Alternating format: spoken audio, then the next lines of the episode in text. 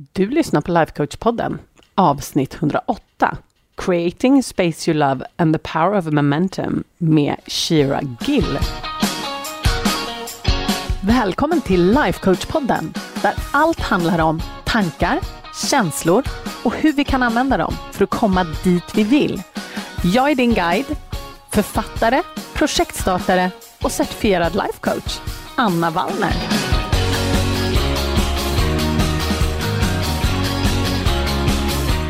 Men hej hallå på er!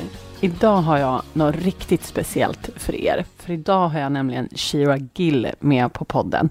Och hon bor i the San Francisco Bay Area och vi är faktiskt eh, coachkollegor. Vi är båda certifierade vid eh, The Life Coach School. Men Shira, hon är decluttering expert. Och hon kallar väl sig själv också för organizer, men hon säger, ni kommer få höra det, hon säger det att det är egentligen inte det som är den stora grejen. Och hon har blivit omnämnd i så många tidningar. Hon har skrivit en fantastisk bok som heter Minimalista, som jag verkligen föreslår att ni skaffar. Och nu har hon sin andra bok på gång, som från och med 28 mars tror jag, kommer vara på preorder. Och ja, Shira, första gången jag träffade Shira, det vet ju inte hon, men virtuellt träffade jag Shira genom eh, min första coach. Och jag började följa henne och var så inspirerad så att jag rensade hela mitt hus. Det tog ungefär en och en halv, två veckor tror jag. Jag hade så mycket saker och jag och Andreas bor ju på en väldigt liten yta. Och jag kan säga att det var helt fantastiskt. Och sen dess så har jag följt Shira tätt i spåren och använt väldigt mycket av hennes tips. Så jag kan verkligen rekommendera att följa henne. Och nu så ska ni få höra henne live. Och jag måste snällt erkänna att jag är lite starstruck. Så att jag lämnar helt över till mig och Shira och så hoppas jag att den här konversationen ger dig jättemycket inspiration när det kommer till att rensa hemma hos dig. Hi, Shira. I'm so happy you're here finally. Yes, I'm so thrilled to be here with you. I, I think my last week has been very intense since I have started to re we call it me and my husband doing a Shira. uh, I I did it the first time I came across you some years ago. I'm, I can tell a story another time, but I I redid my whole like overhaul my whole house and it took like a little bit over a week. And uh-huh. since that, doing a Shira has a like he knows exactly what I mean. So yeah. Well, hopefully intense in a good way. absolutely. But the reason why it's been so intense is because I got your book just one and a half week ago. Yes. The one that is currently out now, Minimalista. Yes. And it's so, I'm not going to use strong words, but it is so extremely inspiring. It's crazy pants. Oh, thank you. That's so heartening and lovely to hear. I mean, that's why I wrote it hoping that it would be inspiring and motivating for people. Yeah, well, it sure is. But before we get started because yeah. I, I'm so super excited. So I just jump right into it. Even though I did introduce you in Swedish for the people. Can yes. you please introduce yourself a little bit for us? Yes. So um, I'm Shira Gill. I am from the San Francisco Bay Area, um, based in California. And um, I describe myself as a stuff and life editor. So, kind of a hybrid between a home organizer, a stylist, and a life coach. Um, and really, what I do is I help people clear physical and mental clutter and simplify every aspect of their lives. Um, so I have online programs and workshops, and um, my book that you mentioned, Minimalista, which really details my entire process and toolkit. Um, and then a new book out um, very shortly called Organized Living, which um, actually brought me to Sweden for the first time. I don't even know if you know that. Yes, um, I know, but I yeah. wasn't here close to Stockholm, so I couldn't ah, reach out to okay. see you. so yes, next time we'll have to meet. But um, but this book was an extraordinary process because I was able to travel the world and visit 25 home organizers all across the world. And so the book tours you through their homes, their organized homes, and really lays out their best tips and my takeaways from going all over the world, you know, visiting the most organized people in the world. And I have to say, Stockholm was one of my favorite. Um, it was one of the highlights of my trip. so that's amazing. I hope you got what nice weather when you were here. I did. And in fact, I think it was so nice that it made me want to move there instantly. And people kept saying, well, wait until wait until winter and we'll see if you still want to move here. yeah, because that is one of the things that I actually thought about in the book. We can get back to the seasonal things later on. But that's so amazing that you did all that travel for the book. It was incredible. And I did it with um, my friend and colleague who's a photographer, Vivian Johnson. So she's been my partner in crime since I started my business about 14 years ago.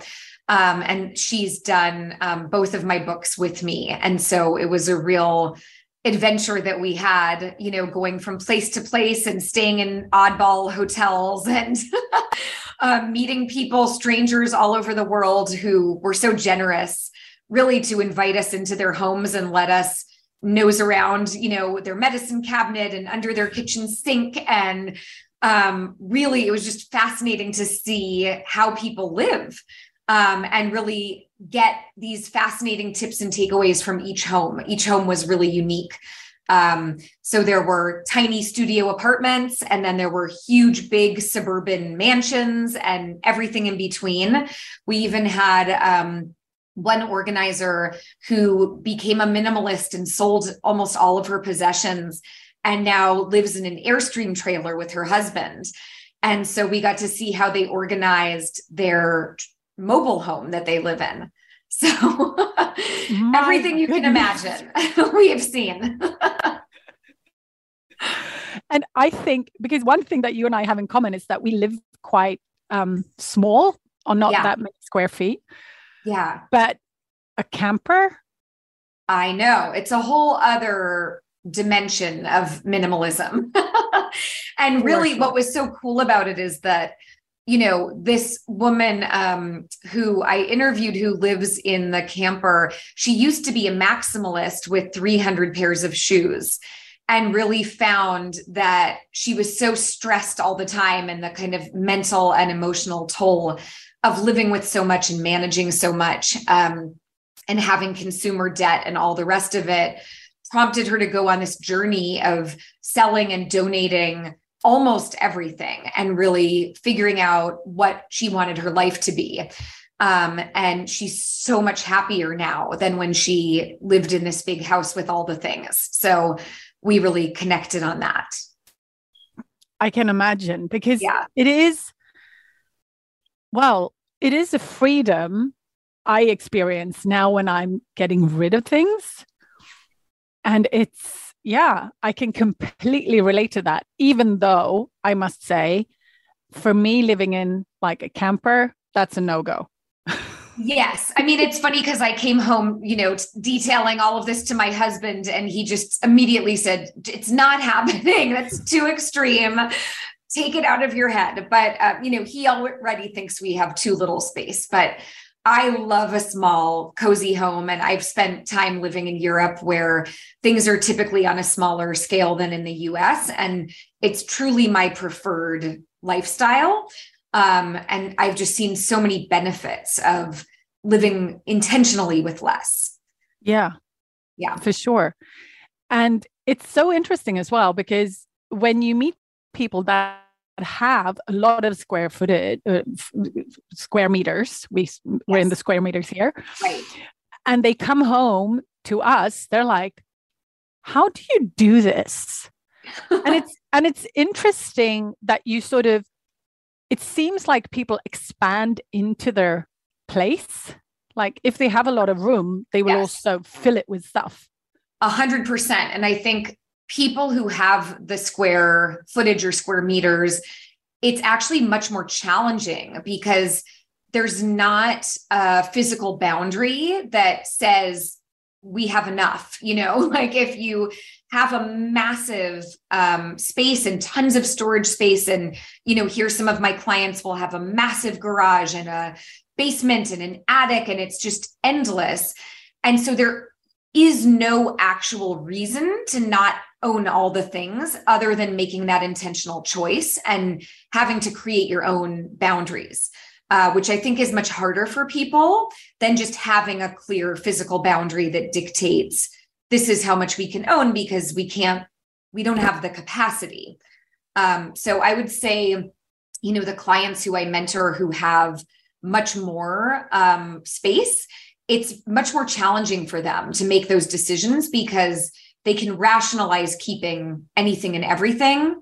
And the decision really has to come from more of a values based um, perspective of i don't want to manage all of this. I don't want to own all of this. Or you know the environmental cost. People have different reasons for choosing to scale down intentionally. Um, for me it was a lot about just wanting a life where i could travel a lot and easily and that really became kind of the driving force for owning less was I want to travel more. I want to be able to pack up at a moment's notice and take my family to Europe or Mexico or anywhere in the world. And for us, living intentionally with less has enabled us to do so much more and experience so much more of the world. Um, I really wouldn't trade it for anything. No, I can see that. And it's also when when you try to pack, you have kids too. And when yeah. you try to pack for the kids, it's I've learned so much from you, even though you don't know that.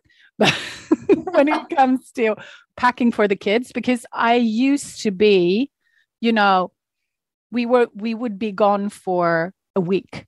And right. I packed like seven t-shirts and like seven trousers. And my kids are the kind of kids that very much likes to reuse their t-shirts and they're allowed, yeah. allowed to do that. They're so small still. So as long as they're not stained, it's fine. Yes. So they use like they can use two t-shirts in a week, and then I had five extra. That's amazing. Like, like, yes. I know we have a carry on only rule. So no matter where we're going and for, you know, however long we each, so we're a family of four, me and my husband, and we have two girls. Each person can take one carry on bag that has to fit the European standards, which are smaller than the US for what by a lot. yeah. Um, and so that's the rule when we pack. And now my girls are a bit older, so they pack for themselves. And I just say, you can bring whatever you want, but it has to fit in this suitcase. Um, so they're quite used to that. And um, and you know, we found even being minimalist packers, there's still always too much. We still always have like extra socks or extra t-shirts. You know, it's just I find again and again that you just always need less than you think you need. Yeah.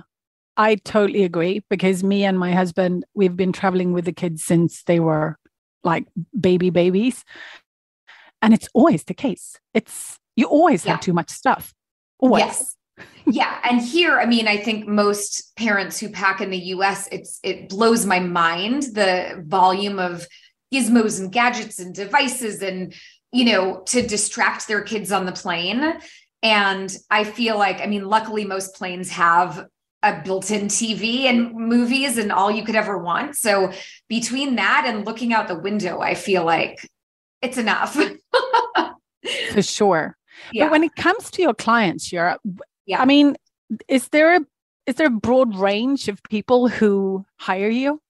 Absolutely. Yeah. So you know, over the course of my career, I've really worked with, I would say, every type of person and every type of space. So, you know, examples would include an artist in a tiny studio apartment, all the way to a tech billionaire who owns multiple properties and mansions all over the world, um, and really everything in between. So, you know, I live, I'm based in the San Francisco Bay Area, but as my work has expanded, I've coached and mentored people all over the world and you know through online programs thousands of people and i can really say that the problems are always universal um, all of the tools and methods that i apply really are applicable to anyone any budget, any style, any circumstance. And so that's been really interesting to learn over the course of my career that the problems that people struggle with are things like making decisions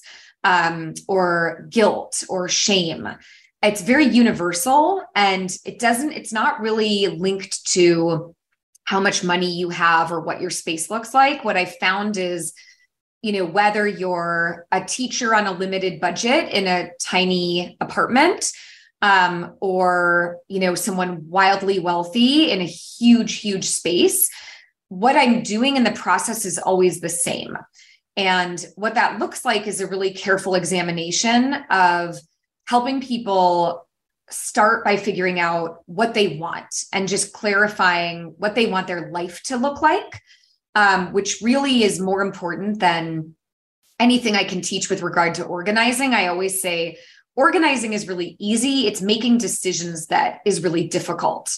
And I think that's why, you know, a few years into my career as a home organizer, I became a certified life coach because I saw how deeply complex it is for people to navigate through their stuff and make decisions about what to keep and what to get rid of and how to approach it um, was really much more psychological. Um, and so the method that I use really is starting with the clarity of who are you? What do you care about? What do you want your life to look like? What do you want your future to look like? And so I really help people just get that clarity before we even touch anything in their home of their values and their priorities and their goals, um, often which are really not aligned with the way that they're living. And so once we get that clarity, then the second step in my process is a very deep and thorough edit and um, that is the part that's the trickiest for people is making those decisions about what to keep what to get rid of. Um, most people want to be responsible with how they're donating so then figuring out how to donate or let go of things in the most sustainable and responsible way um, which is more time consuming but ultimately the right way to approach it and um, and once you've done that work around clarity and then a really thoughtful edit and declutter what you're left with then is only the things that add value to your life and get you closer to the life you want to live. And then in my mind the organizing is really like the aftermath of all of the really hard work. The organizing falls into place so easily because then it's really just a matter of putting like with like and giving everything a designated home. Um, and then, you know, the final step in my process is elevate, which is kind of the fun part of if you want to invest in the matching bins and the pretty baskets or, you know, color code or take things to the next level, you can. But that, in my mind, is always optional and it's very personal. So I have some people that say, no, I just want to find my keys. Like I'm thrilled. you know, that's good enough. And then I have the people that really want their home to look beautiful and editorial and like it's out of a magazine. And then, you know, that can involve investing in, you know, a handful of products like matching hangers for the closet go a long way. Simple things like that. Um, so that's really the process. And as you can see the organizing part you know it's funny because i'm known as a organizing expert but really i feel like i'm a decision making expert. I help people navigate through those tough decisions that can be really paralyzing. Yeah i can completely relate to this because just this afternoon when I'm in the middle of everything and I'm I've I've started a little bit everywhere, but I have started with confined spaces like a, a drawer or yeah. like something. But then half of my kitchen is done. And mind you, I've done a Shira two years ago, and that was hard. but now it's like next level. And then I was taking out glasses out of my cupboard. And all of a sudden, I was like, how many champagne glasses do I have? And I have them all collected in one um, cupboard. Yeah. And it, there is a backstory. I've written two books about cava, and I'm a sommelier, and I'm like as an expert in in Spanish sparkling wine, or at least I used to be. Wow, incredible! I, I used to be. Okay, so that's why I have so many different ones. Right. but I I uh, counted them and I'm bad with numbers, but I think it was 44 47. Yeah. And I sent you a ping on Instagram and I'm like, seriously, what am I supposed What's to do? going on here? yeah, I mean, it's so funny too, because we could look at it like I try to be as non judgmental as possible, right? And be really curious. So, for somebody, like maybe if you were in the peak of your career as a sommelier, or you were hosting elaborate cocktail tasting parties, it would make perfect sense, right? But perhaps in the new incarnation of your life, it makes zero sense. So I think it's always about looking at it with that lens of is this stuff supporting the life that I want to have now, the career that I want to have now? Or is it just collecting dust and creating distraction and clutter and more things to manage? So it, it's interesting because people ask me all the time, what is the correct number to own, right? And I really believe strongly there is no correct number. I would be, you know, I can share my numbers, but they have nothing to do with your life. They have to do with my life and how I've decided makes sense for me. So um, I always caution people about the number thing. And, you know, I know you've read in the book that it's all about finding the perfect number for you at this season of your life. So I think like with the glassware, really thinking about like, is this glassware serving you now or is it feeling silly and absurd? yeah. A part of me wants to say that it's silly and absurd. But mm-hmm. both me and my husband, and we will come back to this as well, because I've got a lot of question about like, okay, if you share your space with someone else, yes, what do you do? But yeah. luckily, me and my husband were very aligned. So I don't have much of that trouble. But we love entertaining. And right. one of the things we want in our home is that people are always welcome and they we always have space for them. Right. And then sparkling wine is always a part of that. So I guess a little part of me is like, I need a lot of glasses. It's not like normally we're never more than 12 and very seldom yeah. because our house is so freaking small. Right. they don't fit. Yeah. So I would never be able to host 47 people at the same time. but it's like this idea of like I could. Right. It's aspirational glassware, which is so funny because I think like what helps me make those decisions is thinking what would be the maximum amount of people that I would host and what would be the maximum amount of glasses we would need to break out to celebrate. And so maybe it's 12 or maybe you know you're doing a tasting and it's 24 but i think you could arrive at a number that really makes sense and is grounded in the reality of your lifestyle which sounds so delightful that you want to have an open door and sparkling wine and host your friends but it sounds like maybe you could meet somewhere in the middle of where you currently are and you know getting really too stark and austere with the editing yeah absolutely. I will definitely have a look at it when, uh, when not when we're done but maybe, maybe tomorrow.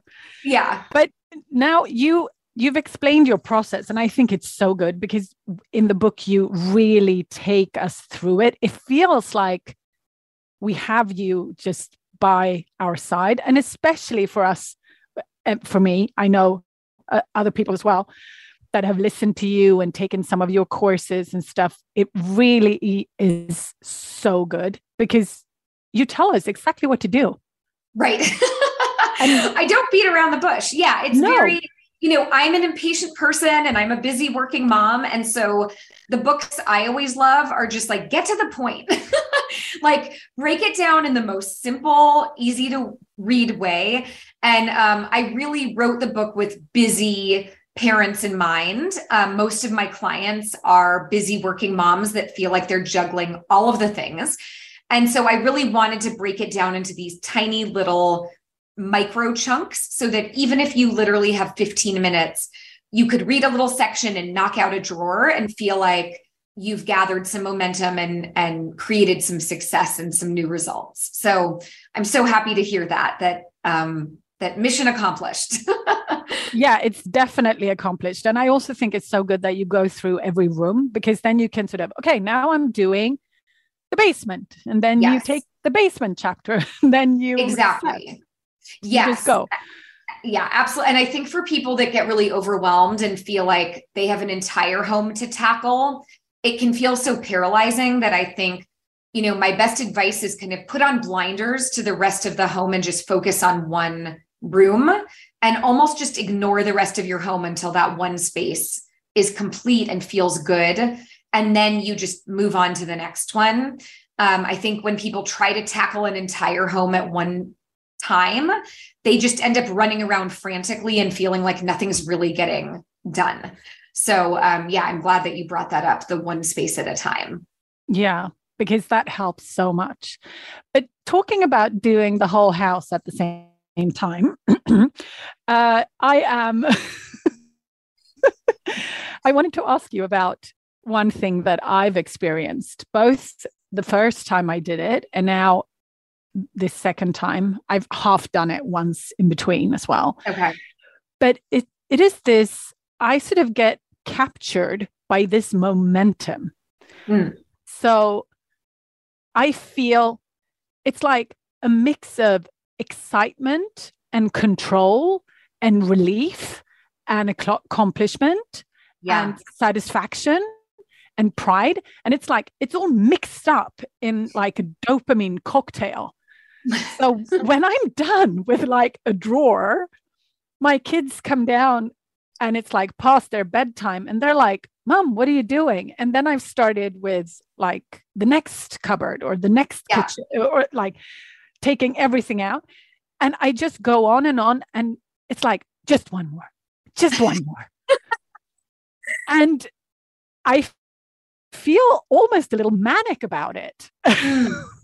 That's so, so, funny. Yeah. I mean, I do, I, I 100% agree with you. For me, it's like my therapy, you know, and I'm, my home now is pretty fairly organized and minimal. And so there's not many projects that I can dig into. And I actually feel like, oh, I want that dopamine hit and that rush of energy. It can be so addictive. But I think if you find yourself feeling like overly manic or it starts veering into like affecting your sleep, you know, I think having some sort of boundary or cutoff is is a good thing.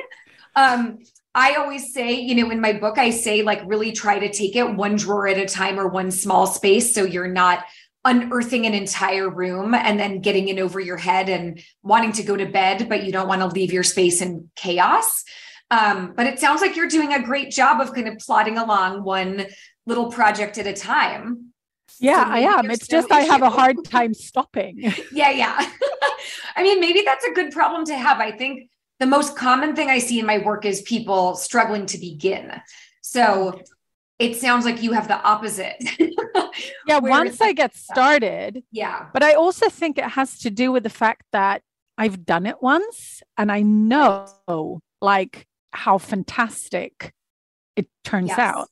It's such a good feeling. And I think I almost equate that dopamine rush of a good declutter session. It's the same rush that people get from shopping.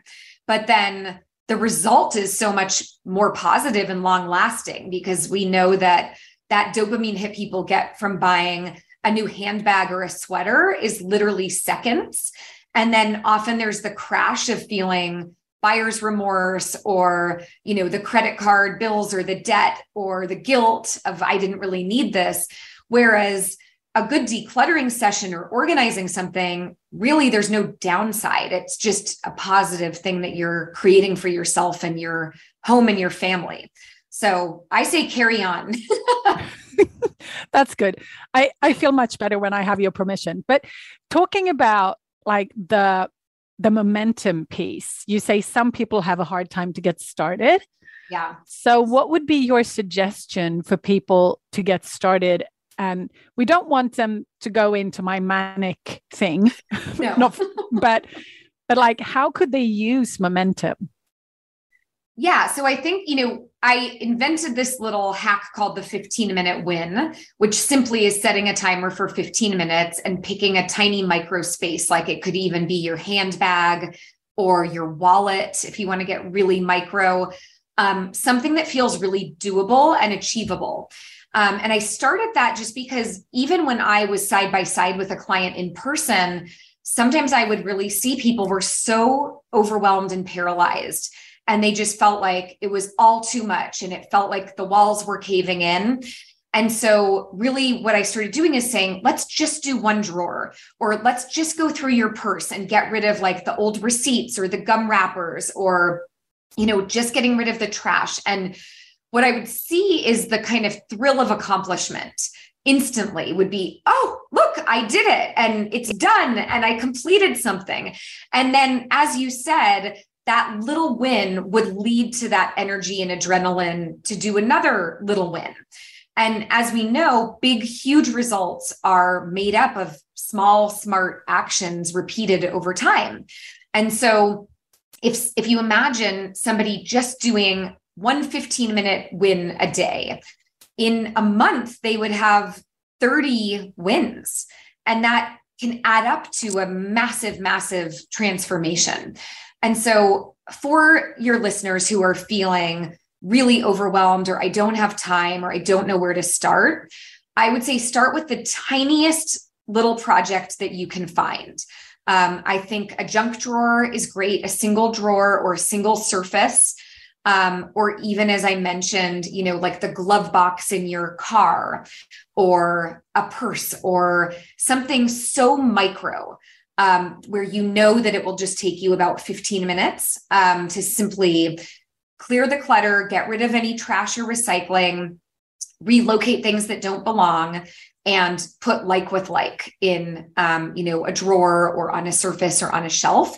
And you will instantly get that boost of feeling like the thrill of achievement and the other thing that it will do is for people that don't identify as someone who is an organized person if you can organize something, you now are watching yourself be an organized person, a person who has organized, right? And so just by doing, it can lend your brain to start shifting to thinking, well, maybe I am someone who can organize. I did just organize something successfully.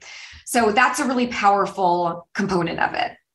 Yeah, for sure. And I think I think it's so many things because you used the example of when you were going to write a keynote and you said, Yes. Yeah, oh. I I just I'll just write for 15 minutes. Yes. So yeah, so in that example I had to give a huge keynote and I was so nervous and I found it so daunting. I had never given a keynote and I was nervous about public speaking and I just day after day and I'm not a person who particularly procrastinates, but something about this was so daunting. And I finally, this little voice in my head just said, just sit down for 15 minutes. And even if you write and it's utter garbage, you will have started.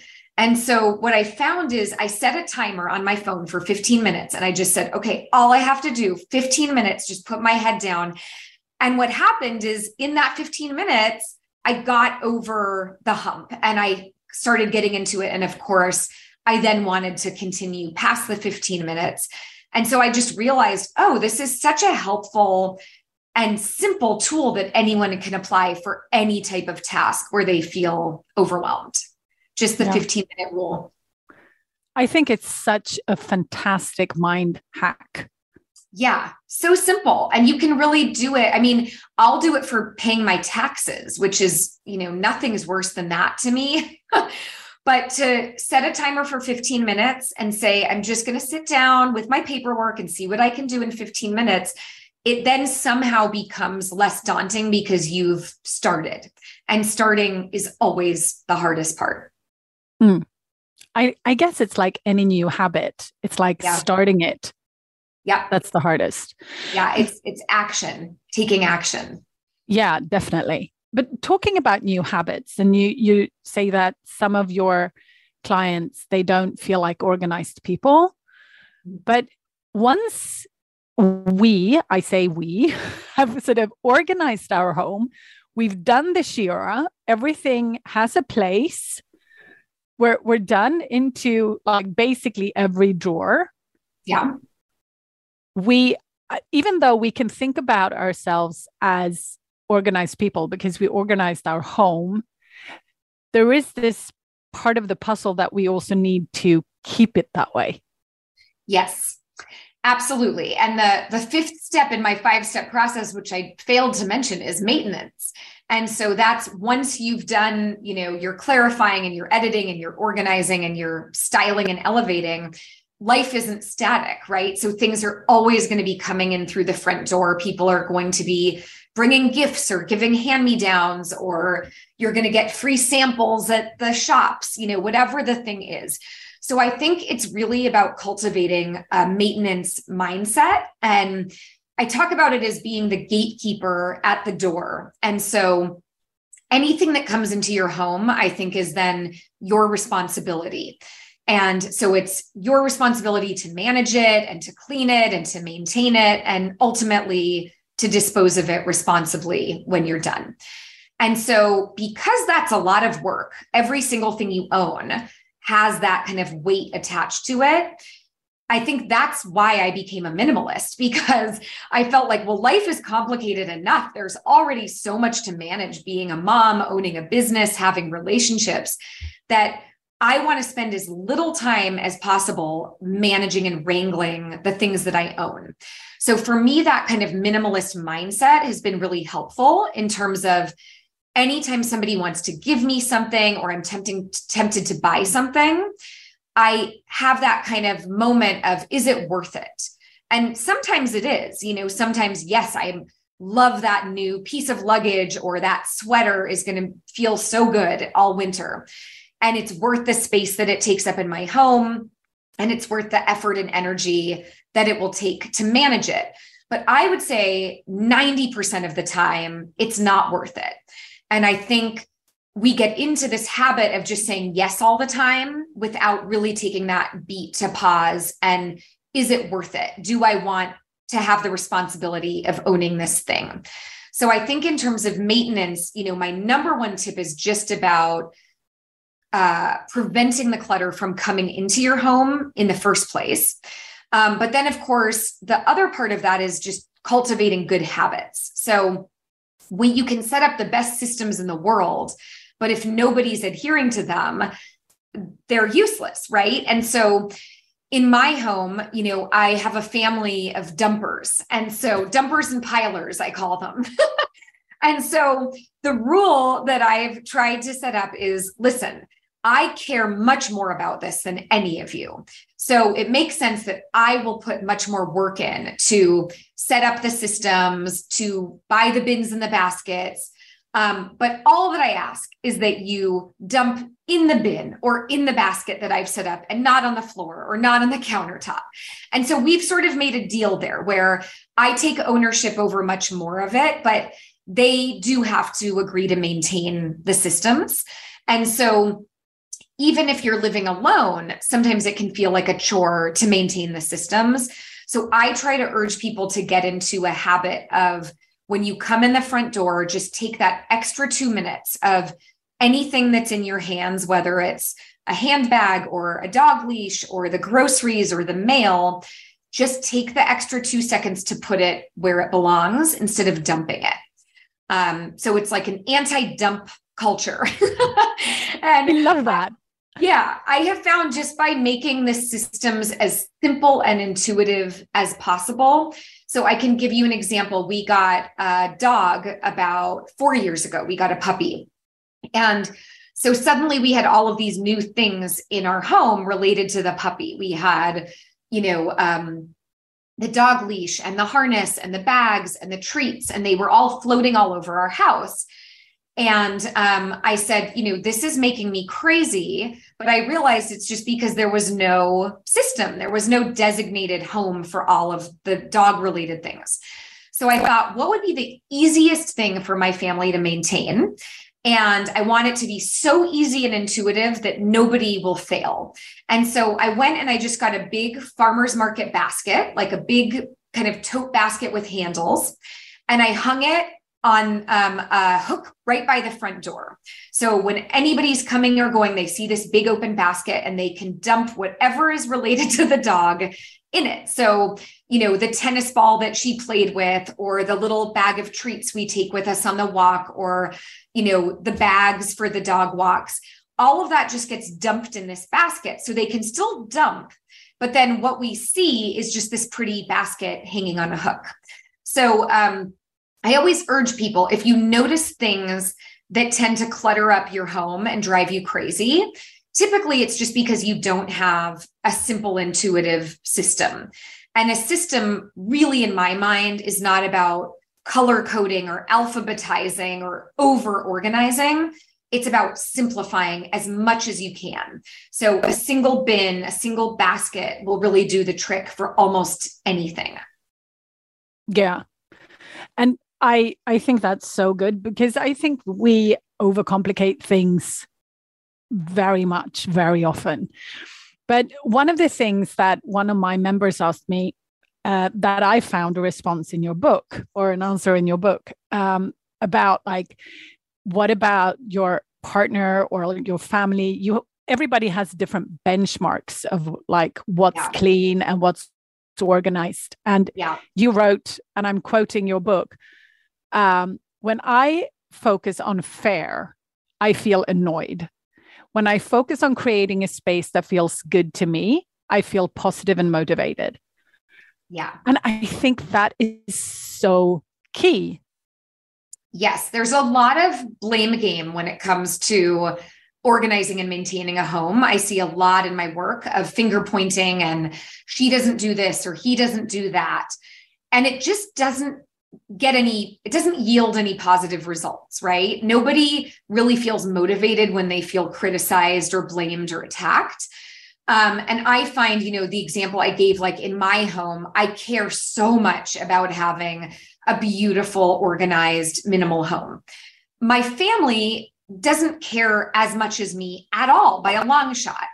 And so you know when i see like my kids leave their socks on the couch I could lecture them every day about leaving socks on the couch, or I could just pick them up and throw them in the laundry bin. And so there are some concessions I make that maybe aren't the most fair, right? It's their socks, they should clean them up. But it takes me literally two seconds, and then I feel better about my space. So we certainly have certain kind of boundaries and guidelines for how everyone should behave. Um, but within that, I try to have a little bit of flexibility and recognize I care so much more.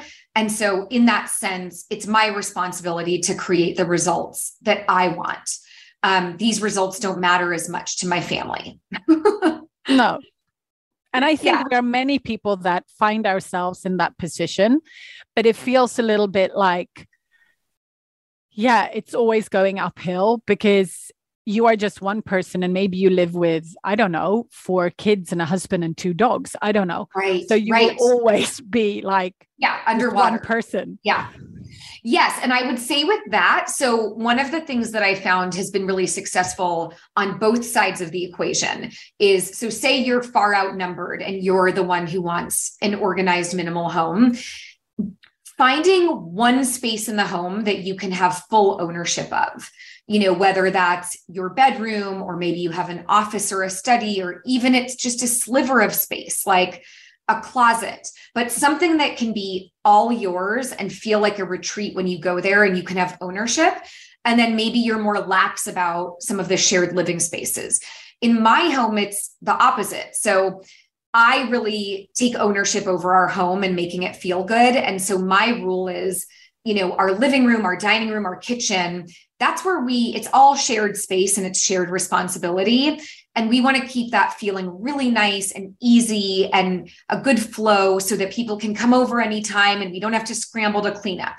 But now i have two daughters who are teenagers and they find my rules very restrictive and very burdensome and so i've had to loosen up a little bit and say you know what you can have your room and your room is your space. And so it can't have trash in it or dirty dishes. We have to have some rules. But if you want to not have perfectly folded laundry or you want to have some clutter on your um, you know, wardrobe, I'm going to stay out of it. You can close the door and that's none of my business.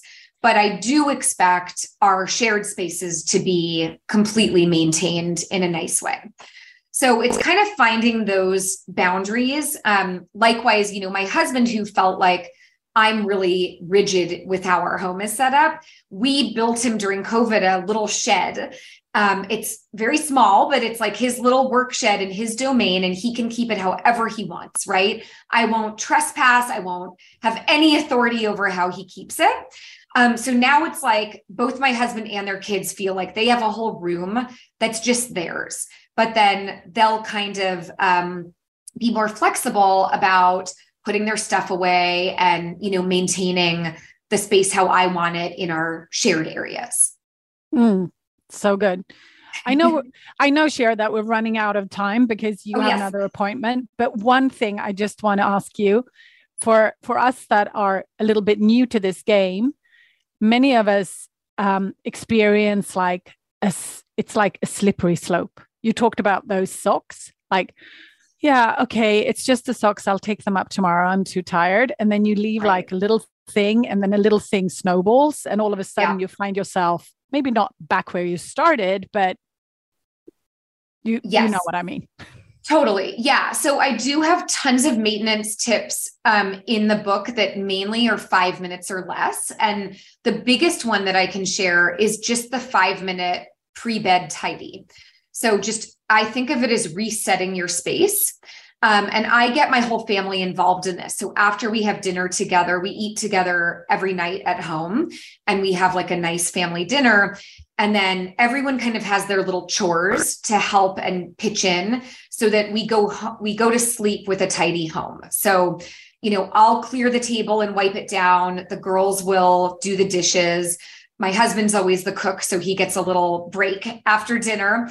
And then we just literally spend five minutes resetting our space. So if the children have homework out or textbooks, they'll put them back in their backpacks for school. If I've left work things out, I'll put them away in a cabinet. And then we all wake up to a home that feels lovely in the morning. So I think of it as giving a gift to your future self or your tomorrow self. And truly, if you put in five minutes every night, it will never, you know, compound to create a huge mountain of stuff and a huge burden. And I think that's the big thing. It's those little tiny micro habits like opening the mail and paying the bills, you know, at least once a week instead of having the big mountain of paperwork. Or we do laundry every Sunday. And so I just know Sunday's laundry day, but the rest of the week, I don't have to think about laundry. Um, and then we never have a massive pile up, leaving it weeks.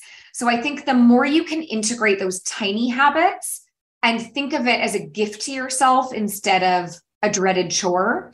Um, you know, I don't like doing laundry, but I do know that I'd rather knock it out once a week than have a huge mountain of dirty laundry to face. Yeah. And the less stuff you have, the less things you have to clean. You got I've it. learned. yes yeah, I mean, a hundred percent. I think we have less laundry because we own less clothes, right? Yeah. And we have less paperwork because we've unsubscribed from almost every catalog and you know mailer that we can. So I think it is like always looking at volume first. How do I pare down on the volume so I have less to manage and organize um, in the first place? Yeah. So everybody just has to think about what is the perfect number for me, even though it can be subscriptions or books or laundry or champagne glasses, who knows?